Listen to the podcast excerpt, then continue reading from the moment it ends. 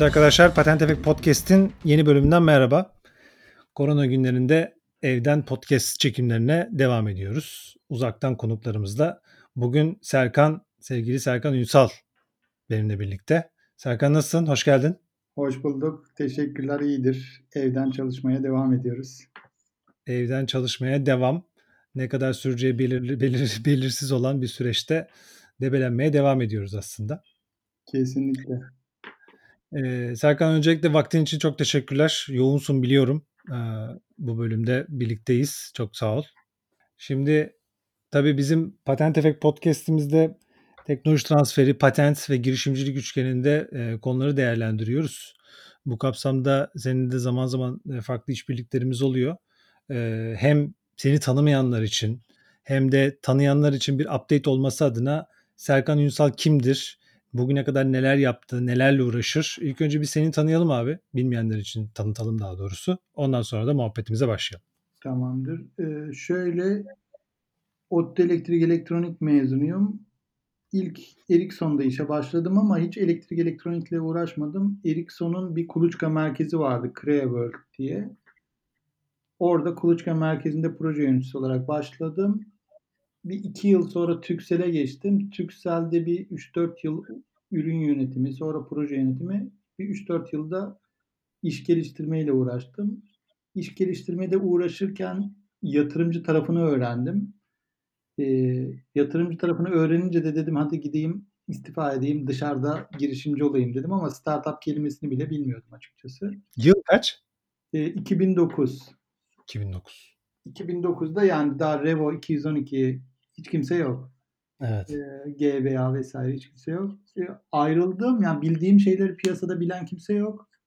Ya biraz erken ayrılmışım diye düşündüm ama Allah'tan hani 2010'da bir ivme yakaladı ekosistem de biraz şey hani bir yıl gecikmeyle e, erken davranmayla yakalanmışım.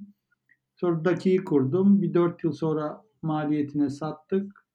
E, 2015'te de Startup Soç'u kurdum Haziran'da. Şimdi bu Haziran'da 5 yıl olacak. Hı hı. Yatırımcıların ve kurumların girip startup ekosisteminde ne oluyor, ne bitiyor, kim kime yatırım yapıyor görebildiği bir platform. 5 yıldır bununla uğraşıyorum. Ee, tabii arada da bir 4 tane ücretsiz kitap yazdım. Öğrendiklerimi paylaştığım. BKM'nin altından onlar da indirilebiliyor. Evet onlara da geleceğim. Ee, kitaplarını okumuş bir insan olarak öncelikle teşekkür etmek lazım. Yani bunlar çok değerli e, kaynaklar özellikle girişimciler için haliyle. E, hakkını vermek lazım. Peki abi yani da, dakikta exit oldu. Türksel'e e, exit olduktan sonra Startups Watch, Watch başladı. Peki bu macera nasıl başladı? Yani oradaki açığı, ihtiyacı e, görme kıvılcımından bahsedebilir miyiz? Yani nasıl başladı ve nereye doğru gidiyor? Startups Watch'taki mi, dakikteki mi? Yok Startups Watch nasıl başladı Hı. ve nereye gitti? Ya şöyle dakiyi sattıktan sonra dakikteyken pişman olduğum şeylerden biri e, consumer'a yönelik olması ve reklam bazlı olmasıydı. Çok zorlanmıştık. Hı hı. E, yani B2B satış geliyordu ama hani istediğimiz gibi değildi. E, ben o yüzden biraz reklam modelinden de consumer'a bir iş yapmaktan da sıkılmıştım. İlla B2B olsun e, ve reklam modeli olmasın, gelir modeli olmasın istemiştim. Hı hı. E, önümde 3-4 seçenek vardı. Biri bir eğitim portali gibi bir şeydi. Biri bir bir doktor gibi bir şeydi. Yani bir taksinin doktor versiyonu. Yani şu anda aslında video consultancy olan şey e, yani anında video ile biri bir doktorla görüşme. Üçüncüsü de Startup Soğuş'tu. Startup Soğuş'ta CB Insights ve Mattermark vardı. Onları gördükçe özeniyordum. San Francisco'dayken de herkes Hı-hı. rakam konuşuyor. Biz niye rakam konuşmuyoruz diye üzülüyordum. Dedim hadi en yapabileceğim çünkü eğitim sektöründen değilim. Şey sağlık sektöründen de değilim. Dedim hani e, startup soç daha şey geldi. Yani en azından bildiğim bir sektör, yatırımcılar, bildiğim müşteriler. Biraz öyle doğdu. 2010 2014 Aralık'ta doğdu. Numan ve Sina'ya, Sina Afra ile Numan Numan'a test ettirdim. İlk MVP'mi onlar gördü 18 gün sonra. Daha doğrusu 16 gün sonra. 2 Aralık'ta development'a başladım. 18 Aralık'ta onlara mail attım. Onlardan da bir ışık görünce 2015'te lanse ettik Startup Soç'u. Eee, şu anda da 140'ın üzerinde müşterisi var. Şu hatta bu aralar enteresan bir şekilde korona döneminde, eee, aylık abonelikler arttı. Güzel. Hani Nice 5 senelere diyelim. Yani yıllık yıllıklardan aylığa geçen değil de sıfır yeni aylıklar gelmeye başladı. O enteresan. Eee, sıfır müş yeni müşteri. Şu anda da güzel gidiyor. Aylık müşteri demek aslında böyle kısa dönemli araştırmaları için kullana kullanan müşteriler mi demek oluyor aslında? Evet, evet. Yani 5-6 günlüğüne ihtiyacı var belki. Şimdi yıllık da para vermek istemiyor. Onlar hı. için çıkardığımız bir paket. Eee, ve zaten şöyle bizde hiç yani subscription business'ı diyorum ama bizde hiç recurring revenue yok aslında. Yani biz her üyelik bittiğinde tekrar soruyoruz. Yani otomatik yenileme diye bir şey yok. Eee, yani aylık bittiğinde bitiyor. Evet. Hani alt Ya da bir aylık daha isterse bir, bir aylık daha alıyor. Şimdi Startup Watch'un içerisinde görüyorum bazı özellikleri de tool'ları da deniyorsunuz şu anda. Biraz daha böyle beta versiyonda. Eee, Evet. Buradan yola çıkarak hani Startup Watch'u gelecekte nasıl konumlandırabiliriz? Diğer rakipler, rakipler demeyelim de diğer global oyuncular işte Crunchbase olsun, işte Dealroom'u, diğerleri, işte PitchBook'u falan onlara böyle data falan sağlıyor muyuz Türk Türk Türkiye özelinde?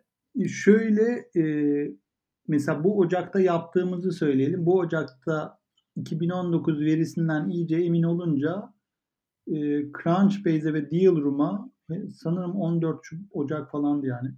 O civarlarda bir tarihte hem Dealroom'a hem Crunchbase'e bütün sta şey, eee, 2019 verisini gönderdik, yatırım verisini.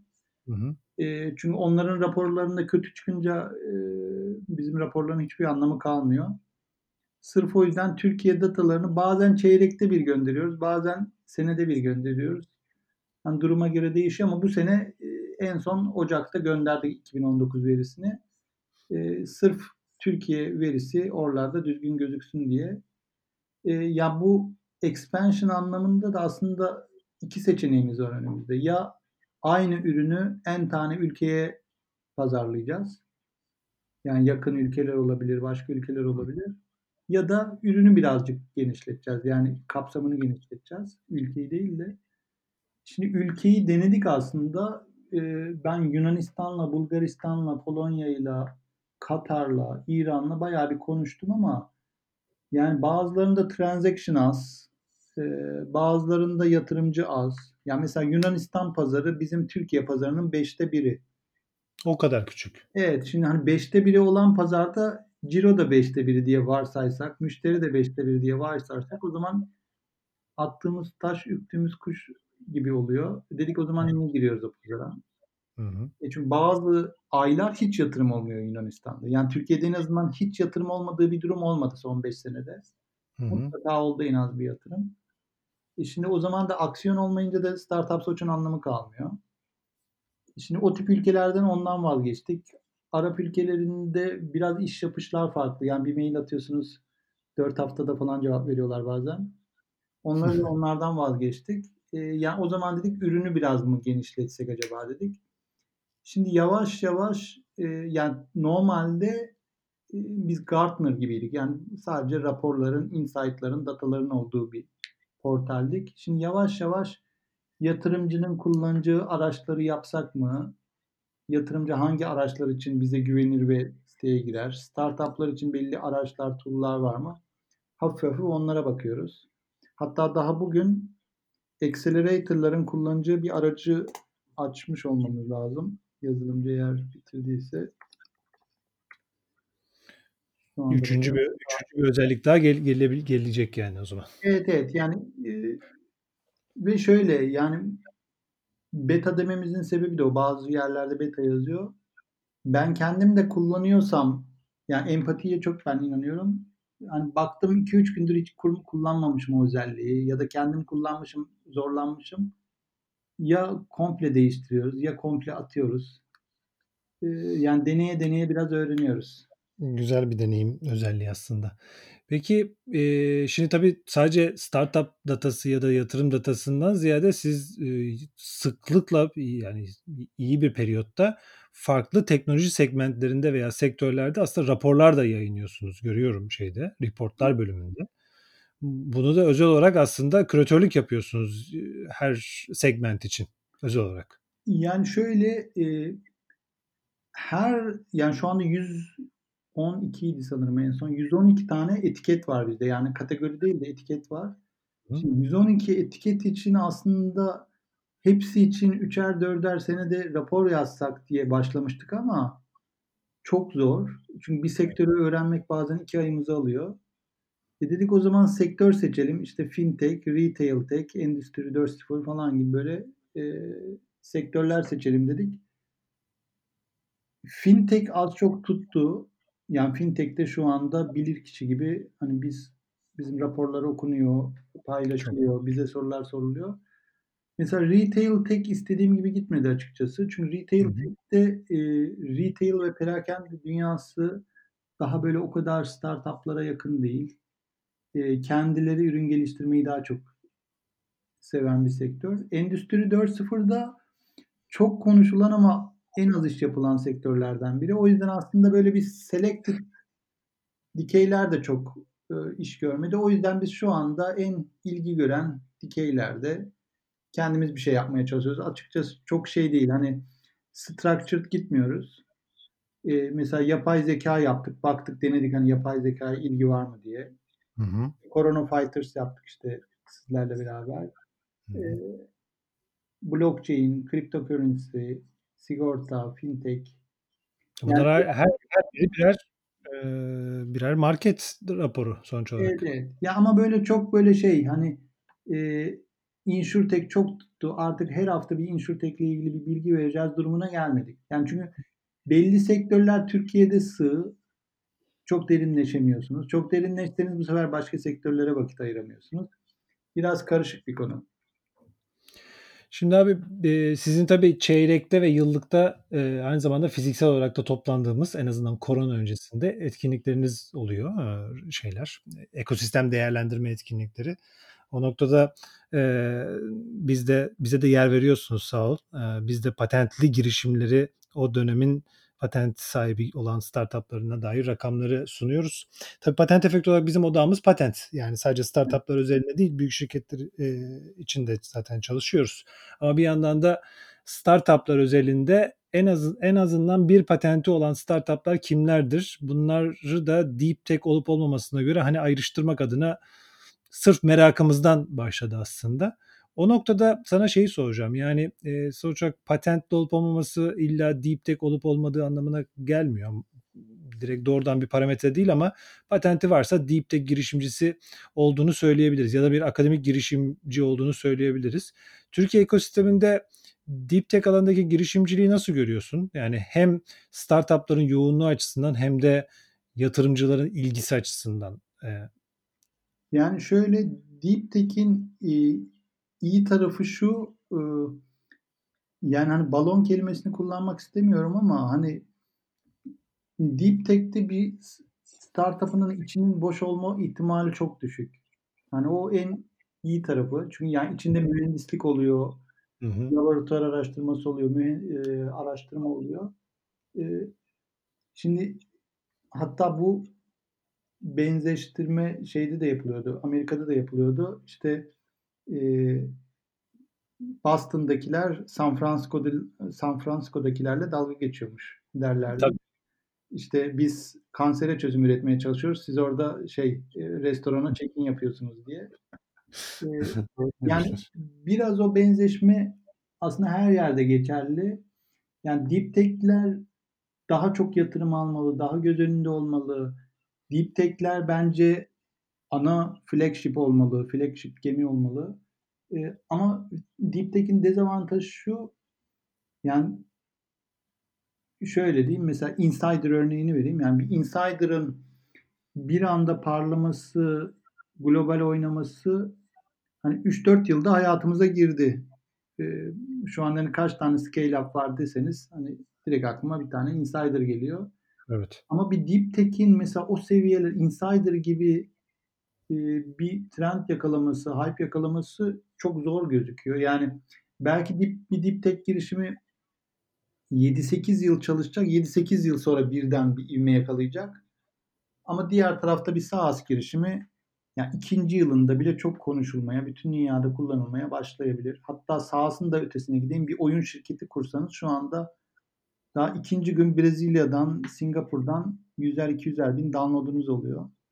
Ee, yani consumer tarafından bakarsak Deep Tech böyle anlaşılmaz, çok yavaş ilerleyen bir şeymiş gibi duruyor. Ama e, etki anlamında baktığımızda şu an Deep Tech hani karşılaştırılamayacak kadar diğer işte oyundur vesaire Hı hı. e, hepsine göre çok çok daha önemli gözüküyor. Yani şu anda bulunduğumuz ortamda bile hatta dün akşam gördüm sanırım e, işte bir tane tweet vardı şey yazıyordu. Hani machine learning ile yapay zeka nerede? E, hala aşıyı bulamadılar mı? yazıyordu. Yani hani e, tek, bazen hani startuplara o kadar çok anlam yüklüyoruz ki hani Uber, işte Airbnb vesaire, WeWork asıl ama hayatımızı kurtaracak olan şeyler işte deep tech'ler, biotech'ler. E, belki onlara o kadar yatırım harcam verilmediği için belki de şu anda bu durumdayız. Evet, aslında oraya doğru geçiş yapmak lazım. Mevcut korona pandemi zamanında bunu da net olarak görmüş olduk aslında. Kesinlikle. Tamam, sonuç olarak ilk konu itibariyle sağlık girişimcileri bir çözüm bulacak gibi duruyor ama tabii bu deep tech deyince sağlığın dışında da birçok startup e, söz konusu. Ama pandemi gününde baktığımız zaman işte tanı kitinden tut da e, şey tedavisine, aşısına kadar bu uzun süreler bir araştırma geliştirme isteyen, belli bir know-how birikimi isteyen ama öyle çok kısa sürede scale olamayacak e, girişimler aslında. Dolayısıyla her birinin nereden baksan 5 yıldan fazla bir şeyi var. Hani debelenme süresi var. Belli bir aşamaya gelme süresi var.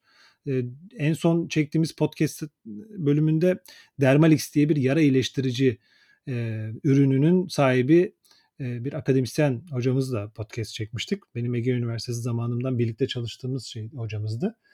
Yara iyileştirici ne kadar deep tech'inde dibi diplerinden bir tanesi e, hesapladık 8 yıl geçmiş aradan hani startup kurmaya başlama e, şey e, pardon startuptan değil hayvan deneylerinin tamamlanmasından bugün CE belgesinin alınmasına kadar geçen süre 8 yıl. Evet. Yani bir klasik bir yatırımcı için işte çok uzun süreler. O yüzden belki de Deep Tech'te daha böyle hibrit bir model olması lazım. Belki e, hani ACT, DCP, Inventram gibi fonları ya da yatırım ofislerini böyle meç edecek bir devlet desteği gibi bir şey lazım. Evet, evet. Sırf devlet desteği de olmuyor, sırf yatırım da olmuyor. Çünkü yatırımcı da diyor ki ya benim 3 yıl sonra fon bitiyor, ne yapacağız diyor. Yani hibrit bir model belki Deeptek'ler için daha doğru olabilir. Evet. Aslında ACT ve DCP'nin ilk çıktığı zamanda onların yatırım yaptığı yani portföylerinde yer alan startupların çoğu Deep Tech'ti. Yani biz onları patente göre analiz ettiğimizde çoğunun en az bir patenti vardı. E, tabii onlar da ikinci tur e, fonlarını şey yapmaya çalışıyorlar. Ama her bir VC'den de aynı şeyi bekleyemiyorsunuz. Hani misyonu ve vizyonu. Sonuç olarak uzun yıllar beklemesi gerekiyor bu tarz şeylerde. Burada belki birkaç tane istatistik vereyim. Bizim en son yayınladığımız bir Türkiye'nin patent haritası raporunda bu patent sahibi startupların yani patentpreneurs dediğimiz tarafta biz toplayabildiğimiz 400'e yakın patent sahibi girişim var Türkiye'de ve bunların da %27'si akademik spin-off şirket. Bu da güzel bir rakam ve bu 400 tanesinden sadece 61 tanesi bugüne kadar yatırım alabilmiş. Yani %17'ye tekabül ediyor. Aslında fena değil ama daha da bunun gelişmesi gerekiyor. Evet. Ya tabii orada e, ben akademik tarafını hani çok iyi bilmiyorum. Yani çok az temasım oldu. E, o denge nasıl kurulur? TTO'lar üzerinden mi kurulur? Tam bilmiyorum ama hani birkaç başıma gelen kötü e, hikaye de var. E, yani bir tane şöyle örnek vereyim. İzmir'den bir dok şey hocaydı yani e, üniversite hocası. E, tüp bebekti sanırım. Tam hatırlamıyorum ama tüp bebekle ilgili böyle bir e, projesinden bahsetti. Hı hı. Bununla ilgili yatırım aradığını söyledi. Beni yatırımcılarla tanıştırır mısın dedi. Bana da böyle güvenilir bir kaynaktan olduğu için ben de dedim tamam tanıştırayım. Bir iki yatırımcı VC ile tanıştırdım. E, VC'lere dedi ki ya ben gelemem siz İzmir'e gelin. Ben dedi hani tamam cuma günün boş ama dedi ben dedi şimdi dersler var, notlar okuyacağım vesaire. E şimdi böyle olunca da VC dedik ya biz niye tanımadığımız bir girişimcinin ayağına uçakla gidip gidiyoruz, şey yapıyoruz, Evet. gidiyoruz. Yani o tip durumlar oluyor. Yani e, akademisyenin de tamam hani çok ticari düşünmemesi lazım ama hani bu tip spin-off'larda böyle bir hibrit yine böyle belki yanında ticareti düşünen bir ortak falan olması lazım. Yani Evet, evet. 17'nin belki %83'ü başka sebeplerle alamamış olabilir. Bu konuyu derinlemesine e, şeyle konuştuk bir bölümümüzde. Bu e, Avrupa'da sen bilirsin IP Group var çok büyük e, şeyde Londra'da orada çalışan yatırım analisti olarak çalışan bir arkadaşımız var Artun. Hı hı. E, o, o onlar tamamen aslında akademik şirketlere yatırım yapıyorlar. Onlar da farklı farklı modeller izliyorlar. İşte entrepreneur in residence modeli oluyor. Hani illa bir business mind birinin ortak olarak o akademik e, ekibin içerisinde yer alacak şekilde bir model kurgulamak gerektiğinden o da bahsetmişti. E, o noktada hani farklı modellere, belki Türkiye'ye özel farklı modellere de ihtiyaç olabilir. Kesinlikle. Tabii Türkiye'de hani SaaS girişimlerine daha fazla yatırım alındığını görüyoruz. E, o tarafta e, VC'lerin Deep Tech'e yanaşmaması için, yanaşmadığı için farklı farklı parametreler olabilir anlıyoruz. Peki bu pandemi dönemine geldiğimizde e, bu süreçte birkaç anket de yaptığını hatırlıyorum abi senin. E, startupların nabzını tutuyor muyuz? Yani bunlar bu dönemi nasıl geçiriyorlar? En çok nelerde zorlanıyorlar? E, anketten bir şeyler çıktı mı senin?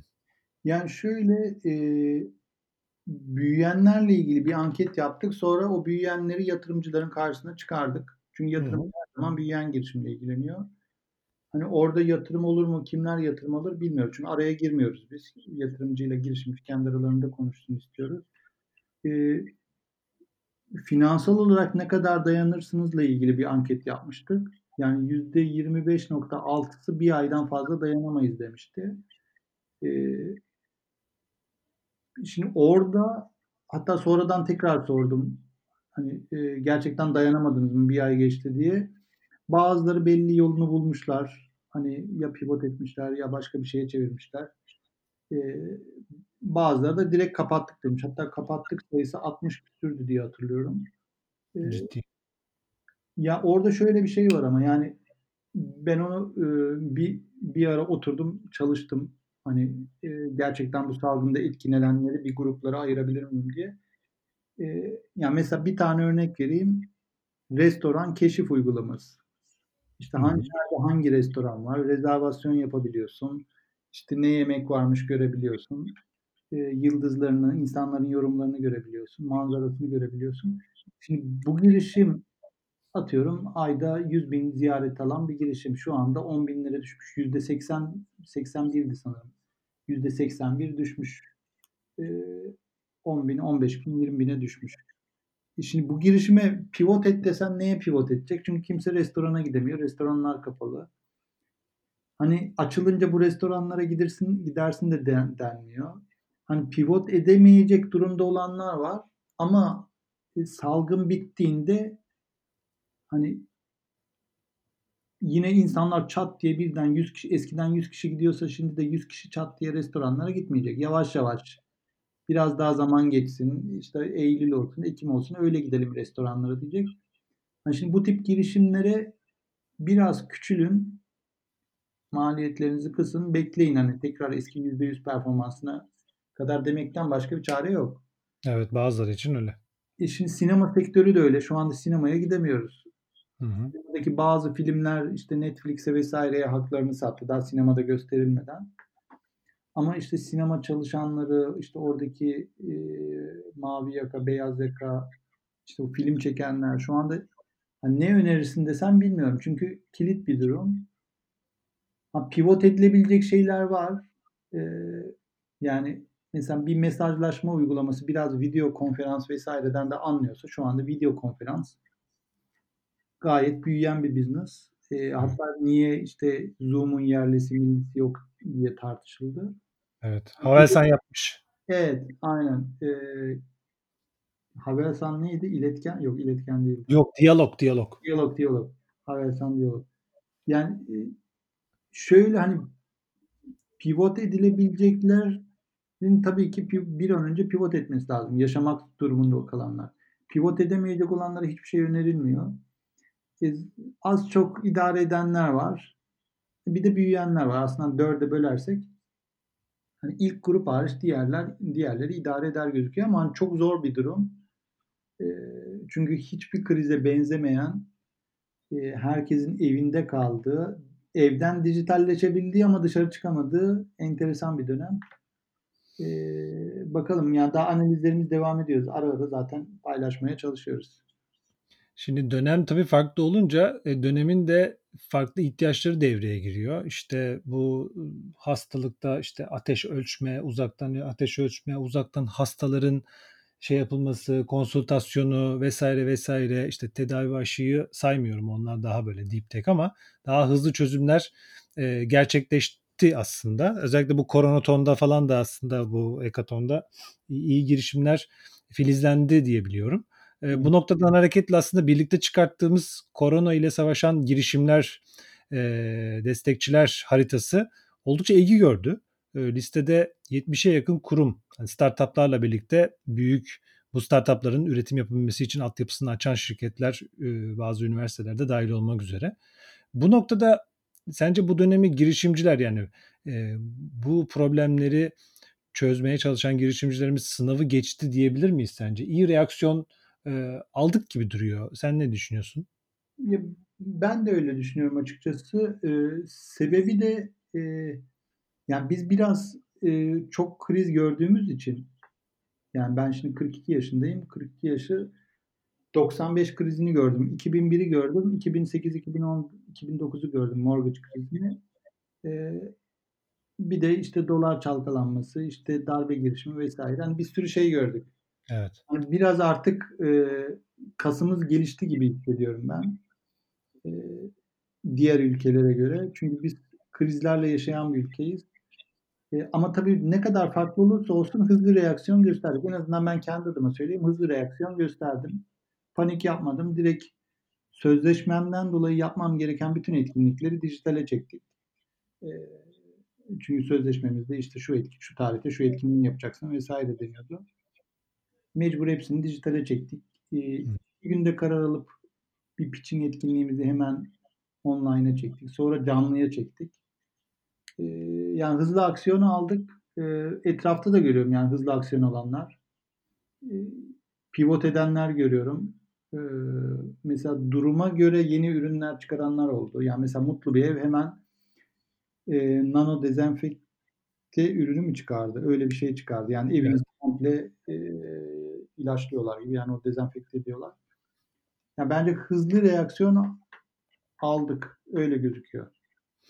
Ben de aynı şeyi hissediyorum. Yani ortaya çıkan e, yeni girişimler ya da mevcut girişimlerin pandemiye özel e, ürünlerle birlikte böyle bir anda ortaya çıkmaları, biz de varız demeleri aslında hani e, gurur verici. Hani ben o açı, o açıdan umutlandım. Yani mutlu oldum girişimcilerimiz adına. E, bu noktada bunlara daha fazla şans verilmesi gerekiyor tabii ki de. E, Kesinlikle. Hatta şöyle diyeyim yani Koronaton Türkiye herhalde birinci haftada çıktı. Yani evet. o hackathon'dur işte bir oluşum. Ee, başka ne var diye düşünüyorum. İşte bu Arçelik e, hemen, hemen girdi devreye. İşbirliği herhalde ikinci hafta falandı yani. Hani çok hızlı oldu evet. Hemen bir konsorsiyum gibi bir yapı kurup e, hemen aksiyon aldılar. Yani şimdi aksiyon alanları düşünce hatta daha dün gördüm herhalde N95 benzeri yerli milli e, Evet gördüm ben de onu evet. E, yani daha hani Mart 12 idi sanırım salgın başlayalı. Hani daha ikinci ayı bitirmedik. İkinci ayı bitirmedik ama şu anda önümüzde bir sürü ürün var. Bir sürü geliştirilen şey var. O açıdan bence iyi tepki verdik. İyi tepki verdik. Bir de hani yarın e, çözülse aşıyı bulduk deseler de aslında bu e, süreçte bu verilen tepkiler e, kolay tepkiler değil aslında. Her bir girişimcinin yepyeni bilgilerle kendini donatması gerekiyor. E, bu know-how gelişimini de aslında dolaylı yoldan bize sağlamış oldu. Belki bundan bundan sonra pandemiden sonra bu öğrendikleriyle daha farklı e, ürünler çıkartma kapasitesine sahip olabilecekler. E, bu, bu açıdan hani böyle çoklayıcı, çarpan etkisi olabileceğini düşünüyorum bu bu dönemin e, olumlu yanları açısından baktığımız zaman. Yani şöyle ben e, hani bu pandemiden bağımsız olarak söylüyorum hep şey diyordum. Yani Türk bir girişimci ama böyle şey e, hani kaliteli demeyeyim de donanımlı bir Türk girişimci yani eğitim olarak, deneyim olarak, araştırma yeteneği, e, ürün çıkarma yeteneği olarak donanımlı bir Türk girişimci e, Amerika'da çok şanslı diyordum. Hı hı. Bunu 3-4 yıldır söylüyorum.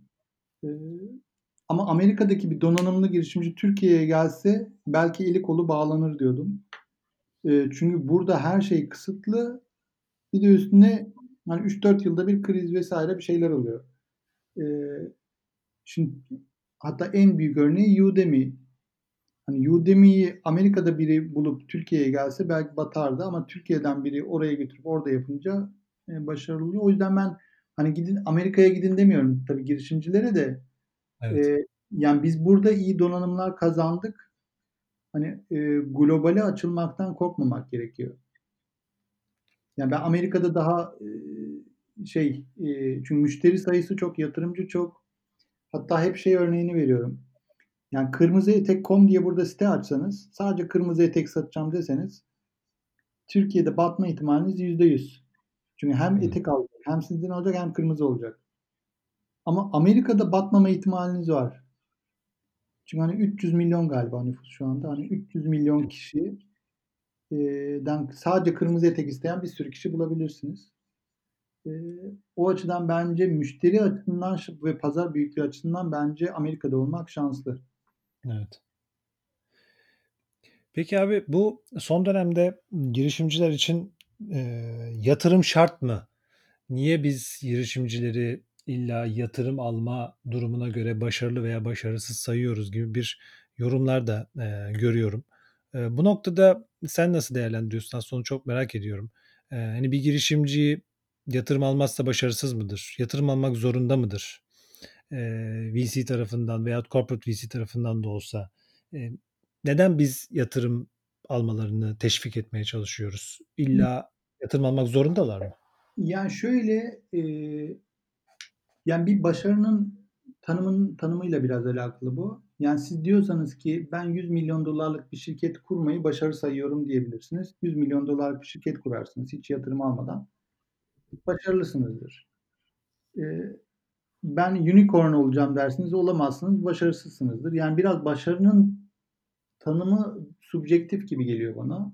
Evet. Ee, ben mesela bir önceki girişimimde dakikte dedim ki yurt dışından insanların da bildiği bir marka yaratacağım dedim. Ee, işte New York'a açılsak mı açılmasak mı falan ikilemde kaldık. Türkiye'de büyüdük ama orada orada büyümedik. Bir de orası bize bir kambur gibi yük olmaya başladı. Sonra da sattık. Mesela düşününce başarısızdım diyorum. Çünkü hedefimi gerçekleştiremedim.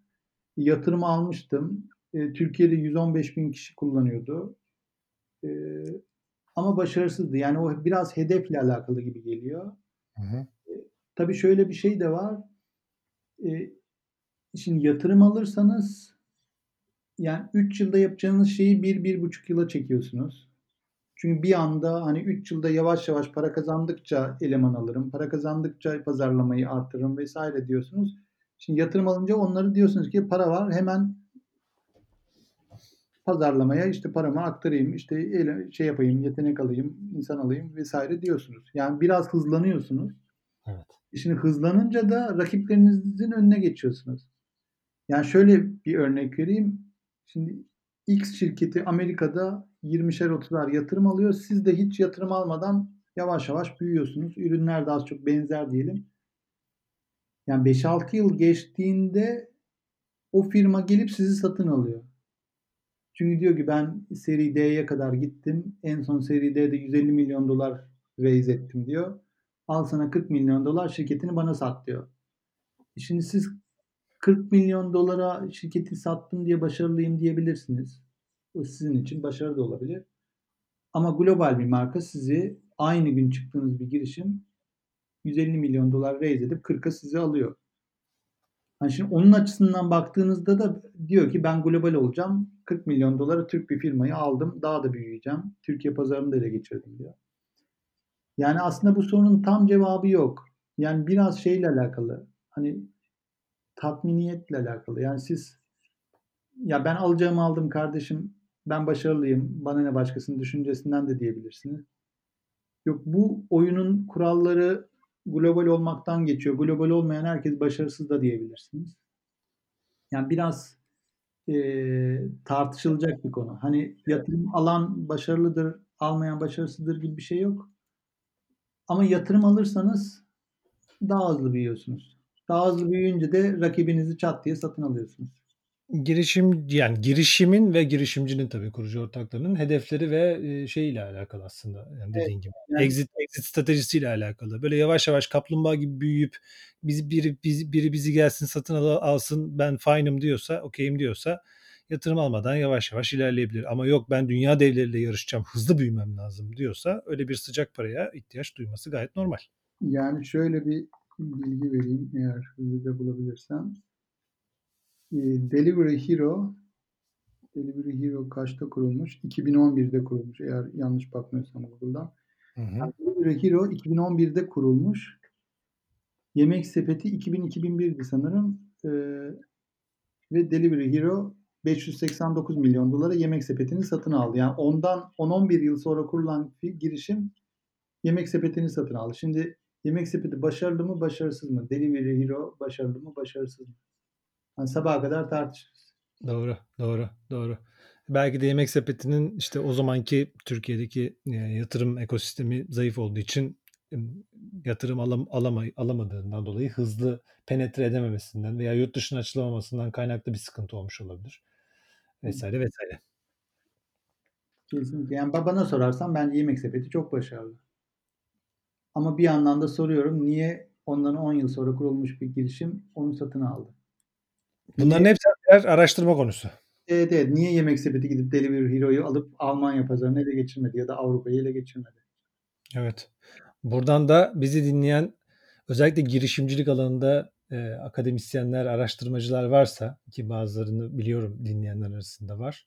E, güzel konular olabilir. Yüksek lisans doktora tezi olarak öğrencilerine tavsiye etsinler. Biz de sonuçlarını afiyetle okuruz. Kesinlikle yani orada e, bir arkadaşımın söylediğini söyleyeyim. Yani şu anki dünyadaki startup ekosistemi e, o kelime e, şeyini düşünüyorum. E, tam şu anda aklıma gelmedi de hmm, mono, şey, monopol. E, biraz monopollüye dayanıyor. Hı. Yani sizden VC'ler e, dünyanın Google olun, hani monopol olun, %90 pazar sizin olsun, bütün dünyada %90 pazar sizin olsun, bütün ülkeler sizi kullansın, Google olun o işin diye bakıyor. Türkiye'de daha o vizyon yok. Yani ben şu işin, yani şu spesifik işin Google'ı olacağım. Bütün dünyada, bütün pazarlarda %90 pazar payı bende olacak diye düşünen girişimci sayımız az.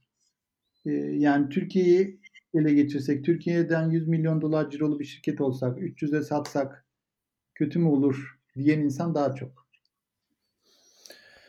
İşte amaçlar, hedefler, e, bakış açısı hepsi devreye giriyor.